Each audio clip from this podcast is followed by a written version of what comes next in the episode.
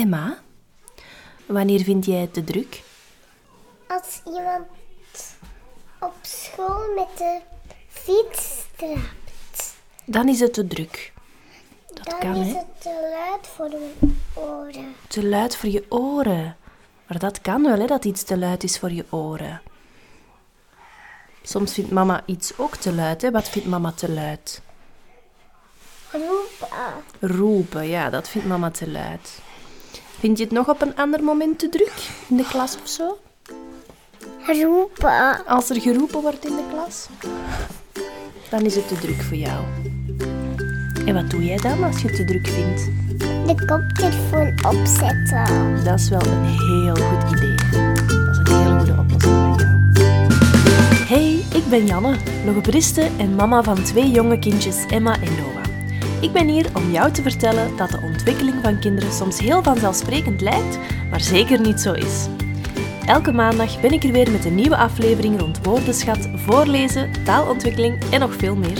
Welkom bij de podcast Vanzelfsprekend. Zelfsprekend.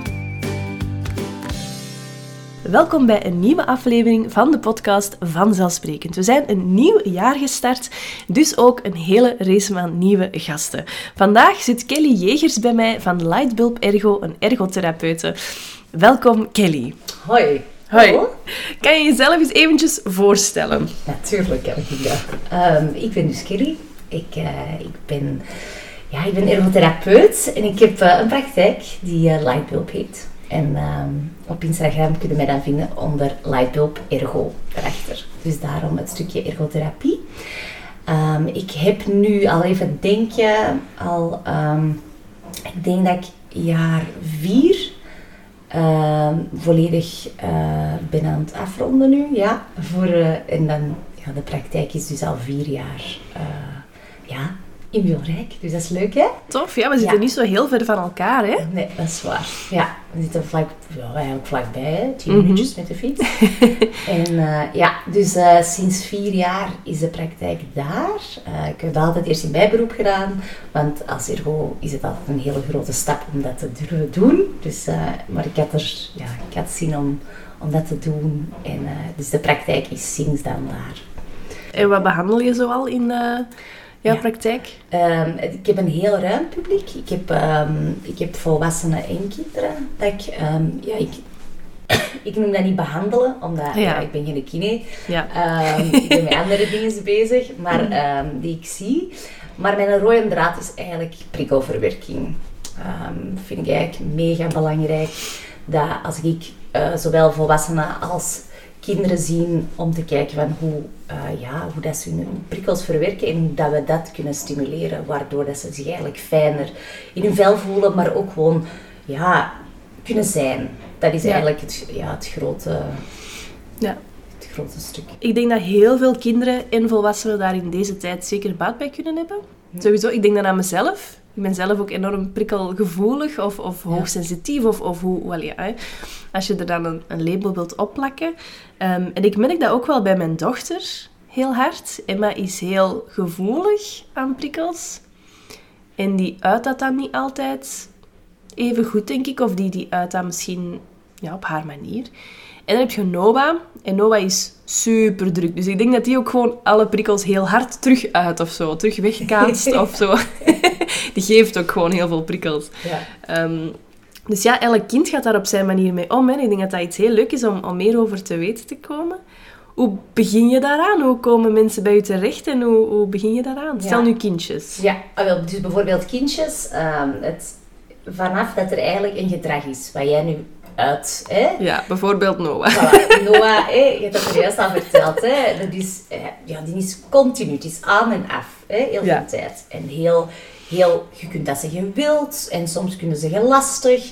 Je, je kunt er van Ja. alles op plakken wat, wat niet adequaat gedrag is. Hè? Zo, zo ja. zien we er dan naar. Hè? Van op momenten dat we rustig moeten zijn, alleen moeten, hè? aan tafel bijvoorbeeld. En hè, mijn kind kan totaal niet stilzitten als ik zo'n verhalen hoor. ehm, of ehm, kan eigenlijk ja, ook gewoon het andere uiterste van, eh, ik kan mega hard overreageren op bepaalde dingen. Ja. hè, mega veel pijn ervaren als het eigenlijk wel een klein wondje is. Dus vanaf dat je zo wat die uiterste gaat zien, dan, dan zeg ik altijd van kom eens langs en we kunnen eens Ja. zo'n sensorisch profiel opstellen. Ja. Oké. Vanaf dat je voelt dat je voelt van, dat je zo met de vinger er niet kunt opleggen van Ja. "Ah, wat, wat is het nu? Maar, want ik heb, ik, heb een, ik heb een gezond kind en het is helemaal oké en die amuseert zich, maar op sommige momenten of plaatsen, al is thuis of op school, Ja. gaat het soms echt wel moeilijk en is het wel zwaar voor ons om zo Ja. heel de tijd...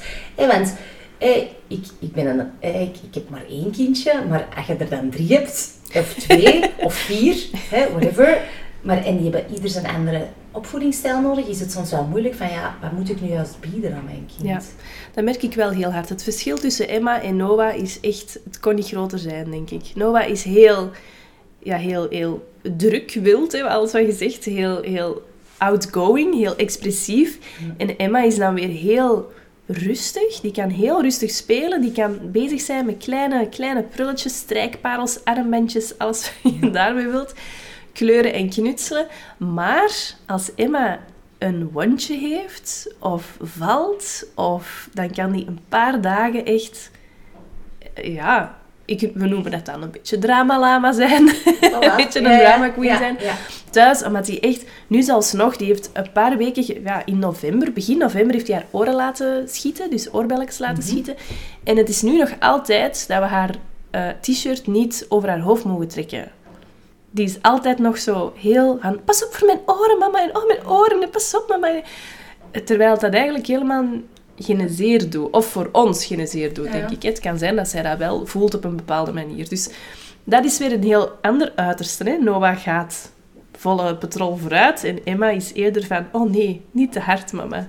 Ja, en dan zo wat gaan zoeken van... Oké, maar wat heeft mijn kind dan juist nodig op die momenten? Ja. Want dat is wat, dat, wat wij soms ook soms zelfs niet weten voor ons eigen dan. Oh ja. Wat heb Ja. ik nodig op deze momenten? Maar dan kunnen aanbieden wat je kind juist op dat moment nodig heeft, dat is echt het zien. En dat vind ik het mooiste uit zo'n sensorisch profiel. Dat je gewoon kunt zien van, oké, op deze moment, als hij zo is, dan heeft hij dat nodig. Weet je, je kunt zo van die handvaten krijgen, waardoor dat ouders echt mega altijd gelukkig zijn, omdat ze zoiets hebben van, ja, weet je, hier kan ik mee aan de slag. Oké, natuurlijk, het is nog altijd uw verantwoordelijkheid, want het is uw Ja. kind. Hè? Ik, kan, ik, ik, kan het, hè, ik kan het niet maken, want het is niet kapot. Snap je wat ik wil Ja, zeggen? Hè? Maar we moeten er gewoon... We zitten in zo'n hectische levensstijl tegenwoordig. Hè? We zijn van niks in lockdown naar over... Ik weet niet hoe dat ik het Ja. moet verwoorden, maar nog, nog, hè? we, hebben allemaal, we hebben het allemaal zo druk. We hebben allemaal zoveel op ons bord. En we gaan zo hard mee in die red race, continu. Ja. Hè, want je zit mee in die stroming. Iedereen wil groeien, iedereen wil terug leven, iedereen wil gaan. Maar het stukje van, oké, kijken en even stoppen wat je kind nodig heeft, is ook zo belangrijk. En op zo'n momenten kunnen dat dan doen. Ik denk dat dat heel mooi is. Dat is echt een grote cadeau dat je je kind kunt doen. En Ja. jezelf. Ja, ja, Kunt ja. doen. ja. Ja. Oké, dus stel dat mensen nu bij jou komen en je hebt een sensorisch profiel Opgesteld. Mhm. Ehm, wat gebeurt er dan? Ja, dan, ehm, dus wat ik dan doe, dat is eigenlijk een oudervragenlijst. Dus ik, ik bundel die samen en ehm, ik, kan de, ik, en ik maak een evaluatie. Dus ik kan dan zien, eh, aan de hand van de score dan, dat ik heb, van de totaalscores, eh, op welk gebied dat uw kind juist prikkels verwerkt. Ja. Want we hebben het heel vaak over hoogsensitief en dat is iets waar ik continu hoor rond mij. Ik ben hoogsensitief, mijn kind is hoogsensitief, en, maar dat is het niet altijd. Ja, want wij denken dat nu ook bij Emma. Ja. En ik denk dat ook bij mezelf. Ja. Maar is het dat wel? Maar, hè, dat is wat in het leven geroepen, wat ik ook heel knap vind. Hè, want het is zo, hè, sommige kinderen zijn gewoon gevoelig aan dingen. Of mensen, want ik heb het dan ook over mezelf. Ah, Ik bedoel, hè, je, je, je ervaart ook heel veel. Maar dan, hè, om het terug te, spiegelen naar onze kinderen, is van... Ja, er zijn momenten dat, dat onze kinderen heel veel voelen, maar ze laten ook heel veel zien via die weg. Ja. Hè, want ze, ze zijn eigenlijk onze spiegel van ja, hoe, hoe dat het eigenlijk gewoon nu in die wereld hier aan toe gaat. Dus ik zeg altijd dat dat echt wel een mooi cadeau is, want het laat ons zien dat we moeten stoppen, moeten kijken, tijd moeten nemen Ja. voor wat eigenlijk echt de essentie is. Dus, en dan ga ik eigenlijk zien in het kwadrant, hè, het- kwadrant van Winnie Dunisa, ehm, van oké, je hebt gevoeligheid voor prikkels, hè, ehm, je, hebt, je kunt prikkelzoekend zijn, Ja. Ehm, je kunt ook gebrekkige registratie hebben, dat je het niet registreert. Ja. Dus er zijn vier dingen die, dat je, ja, die dat je gewoon in heel dat kwadrant kunt zien van op welke momenten ben ik juist een zoeker, op welke momenten ben ik juist gevoelig, een vermijder of heb ik juist gebrekkige registratie. Ja. Want En het kan ook ik- op verschillende momenten verschillende dingen zijn, toch? Ja. Want eh, het is ook altijd heel belangrijk, tijdens de gesprekken zeg ik ook altijd van ja, het is ook niet, ehm, hier is uw kind en ja, die heeft eigenlijk continu gebrekkige registratie. Ik kan dat ook even duidelijk maken misschien. Hè. Dus gebrekkige registratie is eigenlijk dat ehm, je moet je inbeelden dat je in een ruimte zit, er zit honderdduizend man en er is één iemand die tegen u iets probeert uit te leggen, maar je hoort die eigenlijk niet. Ja. Er wordt van alles naar u gebracht, van info. Prikkels worden naar u gesmeten, maar Ja. eigenlijk kun jij er niks van maken. Heel veel kinderen zijn Ja. zo. Ja. Omdat we met te veel in de klas zitten. Omdat, omdat we nog muziek daar hebben en nog liedjes daar hebben. en de klas hangt staat daar en de raam staat open. ja, inderdaad. En de klas hangt vol nog met tekeningen en opdrachtjes. En die doen ondertussen. En ik zeg niet dat dat niet mag, hè, maar het is altijd te veel Ja. soms. En dan kunnen, dan kunnen we gebrekkige registratie ervaren. Ja. Hè? En eh, zeg maar zo. Ja, ik, ik dacht aan, aan Emma in de auto langs. ehm, we zaten in de auto en de muziek stond aan. Mhm. Niet luid, want wij zijn sowieso allebei, ik en mijn man, allebei zo van rustig en chill en Ja. niet te luid. En, zo. en dus de muziek stond echt maar op, maar op twee of op drie qua volume. En Emma, ehm, wij waren iets aan het zeggen tegen elkaar, dus Dylan en ik waren iets aan het zeggen tegen elkaar. En Emma zegt, als jullie praten, willen jullie dan de radio afzetten. Want dat is te druk voor mij. En ik vond dat echt, die is vier, hè. Ik vond dat echt Zalig. fantastisch dat je dat kon aangeven. Ja. Maar dan dacht ik ook wel van, ja, ik snap dat ook wel. Als je Mhm. twee dingen door elkaar hoort, hoort en muziek en dan tekst op dat liedje, en dan nog eens mama en papa die iets aan het vertellen zijn tegen elkaar, dat gaat dan ook snel. Want mama en papa praten sneller tegen elkaar dan tegen Emma, Ja. hè, dan tegen haar. Dus ik snap het wel heel hard. En ik denk dat dat dan ook wel een van die punten zou zijn voor haar, dat ze dan die gebrekkige registratie zou kunnen ervaren hebben. Ja, ja want dat, en, en ik vind het heel mooi hè, dat Emma dat zo aangeeft. Hè, want dat is voor mij ook zo heel belangrijk. Hè. Het is vanaf dat je iets voelt, dat je dat dan ook kunt communiceren. Ja, En dat is ook de essentie van sensorische integratie. Er is iets met mij, ik voel het niet oké, of ik vind het Ja. juist heel fijn en ik deel het. Want vanaf dat ik het kan delen, verwerk ik het. ja. Dat is zo weer zo, hè, daarom dat, dat ook dat ik heel hard voel dat, dat ik heel vaak kindjes heb die ook naar de logopedist gaan, omdat dat heel Ja. belangrijk is. Die twee gaan ook samen. Vanaf dat ik iets voel en ik kan het communiceren, of Ja. ik voel frustratie en ik kan het zeggen, dan wordt het ook mee verwerkt. Ja, dat merk ik ook bij Doa. Hij is al veel rustiger in zijn omgang geworden, ook omdat hij het nu kan communiceren. Nu heeft hij woordjes, nu kan hij bijna oké zinnen maken.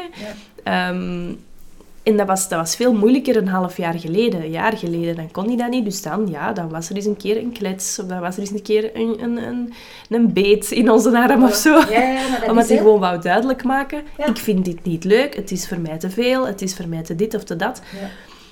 Als ze dat kunnen communiceren, en daar hangt heel het, het stukje logopedie inderdaad bij. Als ze het kunnen communiceren en ze hebben woordjes, of ze kunnen het doen met gebaren eventueel, of met prentjes. Of met, want voordat ze kunnen praten, kunnen ze zich ook echt wel duidelijk maken. Als je de tools geeft aan een peuter om zich duidelijk te maken, op hun manier, dan gaan volgens mij die prikkels ook veel gemakkelijker verwerkt worden. Sowieso, sowieso, want het is ook een heel groot stuk van je communicatie. En natuurlijk, je hebt, je hebt, je hebt, dat hangt allemaal samen, hè, maar je hebt je basiszintuigen die eerst, die, die, die, ja, die moeten, hoe zeg je dat, volgroeid zijn. Hè. We, hebben, we hebben acht zintuigen hè, en ehm, de, de belangrijkste daarvan zijn proprioceptie, en dat, dat, dat tactiele zintuig en het vestibulaire ook heel hard. Hè. Dus we zitten, we zitten met heel veel wat intern moet gebeuren. Hè. Proprioceptie is hoe hou ik mij? Ja. Hoe zit ik erbij? Als ik op een stoel zit, moet ik een rechte rug hebben? Moeten mijn buikspieren aangesproken? Dat is, dat is proprioceptie. Hè? Ja. Als ik een doos vastpak, ah, is dat een zware doos? Oké, dan moet ik veel kracht zetten. Is Ja. dat een lichte doos? Dan moet ik minder kracht zetten. Dus dat is, zo, dat, is dat zintuig dat heel hard wordt opgeroepen. En dan heb je het stukje vestibulaire. En dan moeten we maar denken aan alles wat met zwaartekracht te maken heeft. Schommelen bijvoorbeeld. Hè? Dat is ook eentje. ook een hele goede om op in te zetten. En dan dat tactiele, alles wat met koekjes bakken, plasticine. Ik weet Ja. dat de meeste ouders daar geen fan van zijn van de plasticine, want die willen dat dat niet gemengd wordt en zo. Maar toch, Ik ben, ik ben een grote fan van plasticine, maar ik ben inderdaad ook geen menger. Voor mij moet alles wel terug in de pottekjes. heel oké. Maar ja, de plasticinedoos staat hier wel af en toe op tafel. Maar ja, en dat zijn mega belangrijke zintuigen om als kleuter op in te zetten, gewoon continu. Ja. En dat is zo'n mooie cadeau dat je je kind kunt geven. Het, het, we hebben het, het, het lockdown-verhaal, voor mij toch, waar dat er dan heel veel achter de, de tv, tablet, whatever, Ja. moest, Ja. moest gezeten worden. Maar ja, het, het, ja, het was kwam daar daarop nu neer, het kwam wel heel makkelijk uit. Ehm, want er was ook voor de eerst geen ander contact. Dus dat was wel... Maar je voelt ook wel dat, dat, we, dat we nog altijd er wel in zitten. Er wordt heel veel naar de tablet gegaan. En wat gebeurt er dan? Totaal niet als je voor een tablet zit. Ja, dan spreekt je geen Communiceren, commu- ja, nee. geen communicatie en je spreekt ook al die drie zintuigen niet aan. Die basiszintuigen. Dus Ja. wat, wat gebeurt er dan? Ja, kinderen kennen gewoon hun lichaam niet meer. Ja. En dat is heel schrijnend, hè, want dat is wat er nu ook, wat je nu heel vaak ziet hè, bij kinderen. Want hè, er wordt direct gestuurd naar de logo, naar de kine, naar een ergo. Eh, Ja. Dat is goed voor mij natuurlijk, hè. Maar, hè, maar, maar, maar, ja, ik voel ook wel dat het, dat het drama altijd hoger wordt gesteld dan dat het Ja. eigenlijk is. Ja. En dat voel ik gewoon nu heel hard. Ouders komen in paniek naar mij. Er is iets met mijn kind en hij kan zich niet gedragen. Ja. Ja, maar nee, we creëren, het, het schoolsysteem creëert het sowieso. Hè? Er wordt nog altijd te weinig gespeeld. Er wordt nog altijd veel te weinig ingezet op beweging. Ja. Ehm, we, we, we- wat, wat ik zo merk bij, bij de school van Lucas, hè, bij mijn zoon, is dat ja, er wordt daar wel eens wat ingezet op yoga. Maar eigenlijk mag er nog meer van mij ingezet worden op beweging. Zeker tot die Ja. eerste, eerste, tweede leerjaar. Hè. Ja. Laat die mannetjes niet zo lang op je stoel zitten. Laat die bewegen. Want als we bewegen, doen we ervaring op. Dat is ook voor ons, hè? Voor, voor als volwassenen. Hè? Ja. Vanaf dat we ervaring opdoen, wordt dat opgeslagen in ons systeem. Onze prikkels worden aanges, aangestuurd, of ik weet niet wat je dat hè, wordt geprikkeld. Ons zenuwen worden Ja. geprikkeld. En eigenlijk, ja, je, je krijgt weer nieuwe connecties in je hersenen. Ja. Dus het heeft allemaal zo hard met elkaar te maken. Ja, dat merk ik ook wel bij mezelf. Als, ik ben sinds een, een half jaar of zo, ehm, ja, een half jaar, terug beginnen sporten. En dat is echt een enorm verschil voor mijn mentale gezondheid, voor mijn energie, voor, voor alles. En ik merk ook als Noah te druk is binnen, of hij begint met, met, met spullen te gooien en zijn bord op de grond en allee, alles wat je als mama zoiets heeft van ha, alsjeblieft, doe dat niet. Ja. Als dat gebeurt, dan gaan we naar buiten en dan loopt hij turkens in het park en in het bos en dan gaat hij stenen zoeken en stokken pakken en dan denk ik, doe maar. Goed, dan gaan wij altijd naar, naar het park of naar de speeltuin of naar iets waar dat hij gewoon kan, kan lopen en ruimte heeft. Want ik heb het gevoel dat er dan binnen gewoon te weinig ruimte is voor hem. Ja, ja en, en het, het mooie is, jij, jij voelt dat aan. Ja, Want jij bent de ouder. ja, Het is uw verantwoordelijkheid om dat daarmee te gaan begeleiden. En dat is gewoon het hele knappe. Maar als jij dat niet kunt aanvoelen en jij denkt dat is een lastig jonk en dat het nog wordt gegeven, een safletter of whatever, ja, nee hè, want die, je bent Ja. iets anders aan het creëren op dat moment. ja, Je bent niet gewoon je kind als, aan het erkennen als, die is gewoon aan het zijn en die heeft iets anders even nodig. En Ja. ik ga hem daarin begeleiden, want dat is onze taak als ouder. ja, Hè, want we, we, we zijn heel hard bezig hè, opvoeding, hè, zo, zo, maar ons kind echt opvoeden, ja, daar moet je echt wel 100% voor zijn. Hè? ja. En dat is toch pittig, hè? Ja, tuurlijk. Oh, my. Ja, Ik vind het toch echt pittig, want we doen dat vaak, naar buiten gaan, maar zeker niet altijd. Het is ook gewoon koud nu, hè? Eén, Ja. punt. Het is al koud. En, en langs de andere kant, ja, dan moet je ook altijd Emma meenemen. En Ja. Emma is dan weer net degene die zegt, oh nee, ik wil liever onder een verstoord dekentje, onder een Ja, ja, dekentje ja. liggen in de zetel Ja. en ik zou eigenlijk graag een beetje kleuren of zo. En dan is Ja. er zo van, kom maar, we gaan naar buiten. Jas aan, muts op. Ja. Dus het is, eh, het, is, het is pittig om voor de twee goed te kunnen doen. Hè. Ehm, En ja, en ik denk, ik, vooral omdat je... eh, ten eerste, je zit er al kei bewust van. En dan zeg ik altijd tegen ouders, dat is het belangrijkste. Dat je er Ja. al gewoon bewust van bent van... Mijn kinderen hebben ieders iets anders nodig. En voor de rest vind ik mijn weg daar wel in. ja. Want het is ook zo, hoe meer dat die nu leren hun prikkels te verwerken, zeker met Noah nu zo, ja, dan, weet je, dan, dan gaat je dat ook wel leren. Snap je? Dan wordt er Ja. ook wel... Er zijn momenten dat je rustiger gaat kunnen zijn, maar die zit nu nog volle mak in zijn groei. Dus die is volop die ervaring die heeft, die ervaring nodig. Die zoekt die ervaring op. En dan moeten die ook nog extra aanbieden. Ja. En daarmee ook, Noah is heel de dag zo, ehm, zo actief en zo van alles aan het doen en aan het kijken en aan het, aan het voelen en aan het lopen. En s'avonds is hij gewoon ook kapot. Dan is hij gewoon af en je kunt hem in zijn bed leggen. En nu, meestal slaapt hij gewoon. Ja, ja, ja. Hij heeft zo zijn momentjes dat hij ook wakker wordt. Van de nacht om drie uur, waar we met papetje wil gaan spelen. maar dan hadden we toch zoiets van, "Mwah, nog eventjes slapen. Eh, maar ja, dan valt hij ook gewoon stil. Dan is hij gewoon Mm. op. En dan valt hij in slaap. En hij slaapt ook heel lang. Omdat hij ook gewoon al die prikkels, denk ik, moet verwerken in zijn Ja. slaap ook. Hè? Ja. Ja. Ja. Dus slaap is ook heel belangrijk daarin, hè? inderdaad. Ja. Ik vind het super interessant om, om te zien hoe dat de beide kinderen anders ontwikkelen. En ik denk dat dat ook super fijn is voor zo eens een sensorisch profiel te laten opstellen eigenlijk. Ja. Ehm, ja. Stel nu, welke adviezen kan je zo meegeven aan, aan bepaalde kindjes? Als je nu een, ik weet niet, een casus in je hoofd hebt of zo, of, of iets. Ik denk, want altijd, ik zeg dat ook altijd tegen de ouders. Hè. Ik zeg, hé, jij komt nu specifiek voor uw kind en ik heb advies gegeven voor uw kind. Maar eigenlijk is dat voor elk kind. Dat is echt waar. Ik zeg altijd, deze advies is voor op school.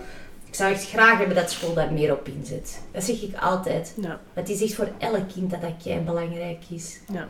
Want het is niet omdat, zoals Noah, eh, nee, zoals Emma, altijd heel flink en rustig en hè, zo die in de klas, maar die vallen Ja. ook niet op. Maar die hebben, Nee, nee, die nee, hebben die vallen thuis ook wel andere dingen nodig, hè? Klopt, en dan thuis is dat soms, Voilà. komt dat er allemaal uit. Dan Ja. is dat een drama lama dat hij Ja.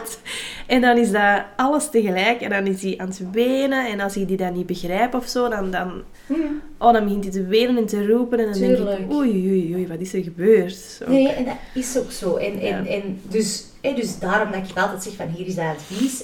En het leukste advies dat ik altijd meegeef is, ehm geef gewoon heel veel tactiele nieuwe, nieuwe informatie mee. Ja. Gaat zien als het kind het leuk vindt, want dat is Ja. wel heel belangrijk. Je hebt, je hebt kinderen die het echt verschrikkelijk vinden om dingen aan te raken. Ja. En met hun vingers en hun handen bezig te zijn. Dus bouw dat dan op. Maar geef die tactiele informatie. Ja. Zoals met die plasticine, met die klei. Ehm, echt alle, al het sensorische. Zoals het, het, De sensory boxes. de sensory boxes en wat hebben er nog allemaal. Maar, maar dan echt, zet daarop in, ga op zoek naar al die, die, die balkjes, echt zo die waterparels die zo kei plezant zijn. Ja. En je moet het niet altijd kopen, hè? want dat vind ik ook, hè? je moet het niet altijd kopen. Hè? Je kunt ook gewoon koekjes bakken samen. Hè? Of, Ja. ehm, ik heb zo van de week ehm, mijn versiering gemaakt voor in een kerstboom met zoutdeeg. Ja. En dan is goed knijpen. En het leukste dat ik als ergo altijd meegeef als advies is laat die gewoon deelnemen aan het dagelijkse leven. ja, dat geef ik zelf ook als advies voor Voilà. totaalontwikkeling. hè. Ja, dus- Het past perfect bij elkaar ja aan. want, want dat is ook zo. Laat eens mee de, de, de boodschappen dragen. Ah, is dat zwaar? Hier, ik heb nog iets zwaarder. Voilà. Ja. Zo, probeer het eens vast te houden en neem het eens mee. Doe de fles eens open. Ja. Al die handelingen is allemaal tactiel, maar er zit in uw hand zoveel zenuwen. En dat is het, echt het grootste stuk. Ik weet niet of je dat, ja, die afbeelding kent. Je hebt zo het stuk van de hersenen en dan heb je zo de hand dat er zo over ligt. Zo. Omdat dat, dat neemt zoveel van je prikkels op Ja. en dat brengt zoveel teweeg in je hersenen. Je zenuwbanen die maken telkens weer nieuwe neuronen aan. En, en, en, en daar zijn we minder mee bezig. Daarom dat wij schrijven als ergo ook zo belangrijk vinden. ja. En niet alleen maar En typen. niet alleen en- maar typen. hè? Want ik Ja. snap dat, dat voor hè, sommigen ehm, met dyscalculie of, hè, of, of, of ehm, Dyslexie, ja. eh, voornamelijk. Ehm, als die, eh, dan eh, wordt er meer advies gegeven van we zullen met de laptop beginnen werken. eh, ehm, maar blijf dat schrijven ook heel hard doen, want daar krijgen ze heel veel info ook. Ja. Dat is ook druk, proprioceptie. Dus die drie basiszintuigen, dus en schommelen, leer uw kind schommelen.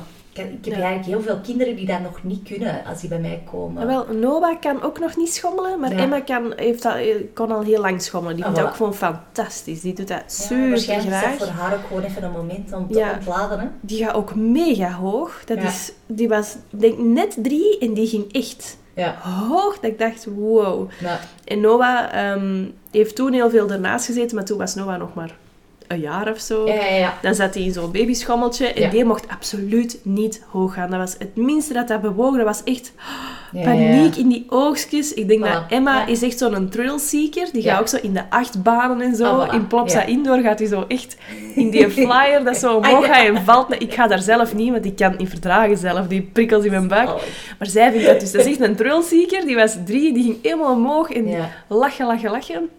En Noah, je hebt zo, ik weet niet of je het kent in Plopsa Indoor, zo de eentjes. Dat is Ja. echt zo gewoon een vijvertje. En die eentjes gaan zo gewoon rond. En die zit daar echt met zijn handen aan de zijkant vast van, deze ding beweegt en ik heb er zelf Voilà. geen controle Ja, over. ja, voilà. Ja. Dus die vindt dat verschrikkelijk, die Ja. dingen. Als ze zelf geen controle heeft, dan vindt hij dat verschrikkelijk. Ja, maar dat speeltuinen, is het altijd van boven. In de hoogste top zit Noah. En dan kan hij er Ah, niet voilà. meer af. En dan moet ik die gaan halen. oh nee, Terwijl dat. Emma dan weer niet zo... Allee, die Nee. klimt wel, maar die heeft eerder Zo. zoiets van... Ik doe wel geen moeite, ik heb liever kriebels in mijn buik als ik zo zelf omhoog ga. Zo. En Noah is dan weer helemaal anders. Dus dat is ook weer zo gek, hè, dat die weer helemaal verschillend zijn. Ja. Maar ja, ja en Emma schommelt dat weer kei graag. En Noah heeft zoiets van... "Hu, Dit Ja. beweegt iets Ah, voilà. te onvoorspelbaar voor mij. En dan, en dan, ook dan op zo'n moment als je ziet hè, van, ah ja, deze durft hem niet, wel eens gaan kijken van, oké, hoe kunnen we... Ja. Hoe kunnen we er wel elke keer een beetje, beetje meer bij doen? Een beetje eens gaan kijken. Ja. Want ja, dat is, dat is ook nog dat is een heel ander verhaal, maar dat is ook heel belangrijk. Dat, dat hoort ook allemaal bij prikkelverwerking, zo je grenzen gaan stellen. Ja. En tot waar is mijn grens? En als ouder, wanneer geef ik nu wel een pushje en wanneer niet? Dat is, dat is heel moeilijk, hè. Ja. Ja, want soms dan denk ik van, oké, ja, we gaan... Dylan had onlangs gezegd, kom, we nemen de Noah mee in die rollercoaster. Ja. En ik had direct zoiets van, oh, Ja. die gaat echt schreeuwen. Ja. Echt, Ja. echt over de... Maar eigenlijk vond hij het tof. Voilà. En dan dacht ik, ah ja, ik had het eigenlijk niet gedurfd. Dus ik had zijn grens veel lager ingeschat Ja, ja, voilà. dan Dylan. Dylan had zoiets van, die gaat dat wel tof vinden. Kom, we pakken die gewoon mee. Ja. En ja, ja, dat is hè. ook goed, hè. En uiteindelijk, hij vond het wel tof. Dus ik dacht, goed, ook goed. Ja, maar dat, Ehm, en, en maar dat is ook zo, en dat is ook heel Zo mooi. moeilijk. Want dat is dan een stukje dat ook naar onszelf hè, gaat. Van oké, wanneer durf ik als ouder gewoon meer te duwen? En Ja. of wanneer zie ik dat het echt niet gaat voor mijn kind? Ja. En wanneer weet ik dat hij deze duwke wel nodig heeft? Ja. Dat is ook wel een hele... allee, dat is ook het stukje prikkelverwerking voor mij. Ehm, maar dan meer zo naar, naar als ouder zijn. Hè? Van, van wanneer ehm, ja, steun, ik, steun ik en voel ik aan en ga ik meer troosten? Ja. En wanneer ga ik toch wel even zelf de moedige zijn en ja, duwen. Ja. Ja. Het is een heel groot verschil, denk ik. Ja. Ik, amai, ik vond het mega interessant. Ehm, kan je nog even herhalen waar dat mensen u kunnen vinden als ze meer informatie willen hebben over prikkelverwerking en over wat je doet als ergo? Zeker. Ehm, ik ben eh, zeer aanwezig op Instagram. Dus daar Net zoals Dus, eh, ah, dat, dat- dus daar kan je mij zeker vinden. Maar dus Lightbulb Ergo. En in Wilrijk, eh, in de Florarielaan 519. Eh daar is de praktijk. en www.lightbulb.be. Oké. Daar, eh, Dat is de website. En daar kun je heel veel info al lezen. Niet, het, stuk sensorisch profiel is niet zo uitgeschreven, maar je gaat dat wel vinden op de website. Omdat dat iets is waar ik gewoon de laatste tijd meer en meer voel dat er nood aan is. Dus veranderingen op de website gaan er ook nog komen. Goed. Kunnen ze momenteel eh, bij jou terecht of heb jij wachtlijsten? Want tegenwoordig zijn er eh, vaak wachtlijsten, maar Ja. soms ook niet. Nee, nee, oh, wachtlijsten. Ja, natuurlijk. Je gaat wel een paar weken moeten wachten voor, eh, een Ja. intakegesprek, maar voor de rest, allee, voor zo'n sensorisch profiel. Maar, ik noem Maar geen maanden? Nee, jawel. nee, geen maanden. Bij ons is het net iets langer hè, als logopedist. Het is ja, nee, verschrikkelijk. dus ja. Oké, goed. Nee, ja, en merci. wat ik altijd denk is, ehm, zo, ja, ze zouden eigenlijk soms al eens sneller eerst bij een eargo even terecht kunnen, denk ik dan. Om Ja, dan dat denk zo- ik ook. Om dan zo de wachttijd misschien wat te kunnen, hè. Ehm, minder hard maken, omdat ze dan zo al wat dingen leren en dan zo... Ja, het zou een schone samenwerking zijn. Ja, dat is waar, dat is waar. Merci om eh, te komen vertellen over prikkelverwerking. Ik vond het Graag. super interessant. Ja, dat, gaat. ja, dat is kei leuk. Ik vond het ook leuk. Tot volgende week. Dag.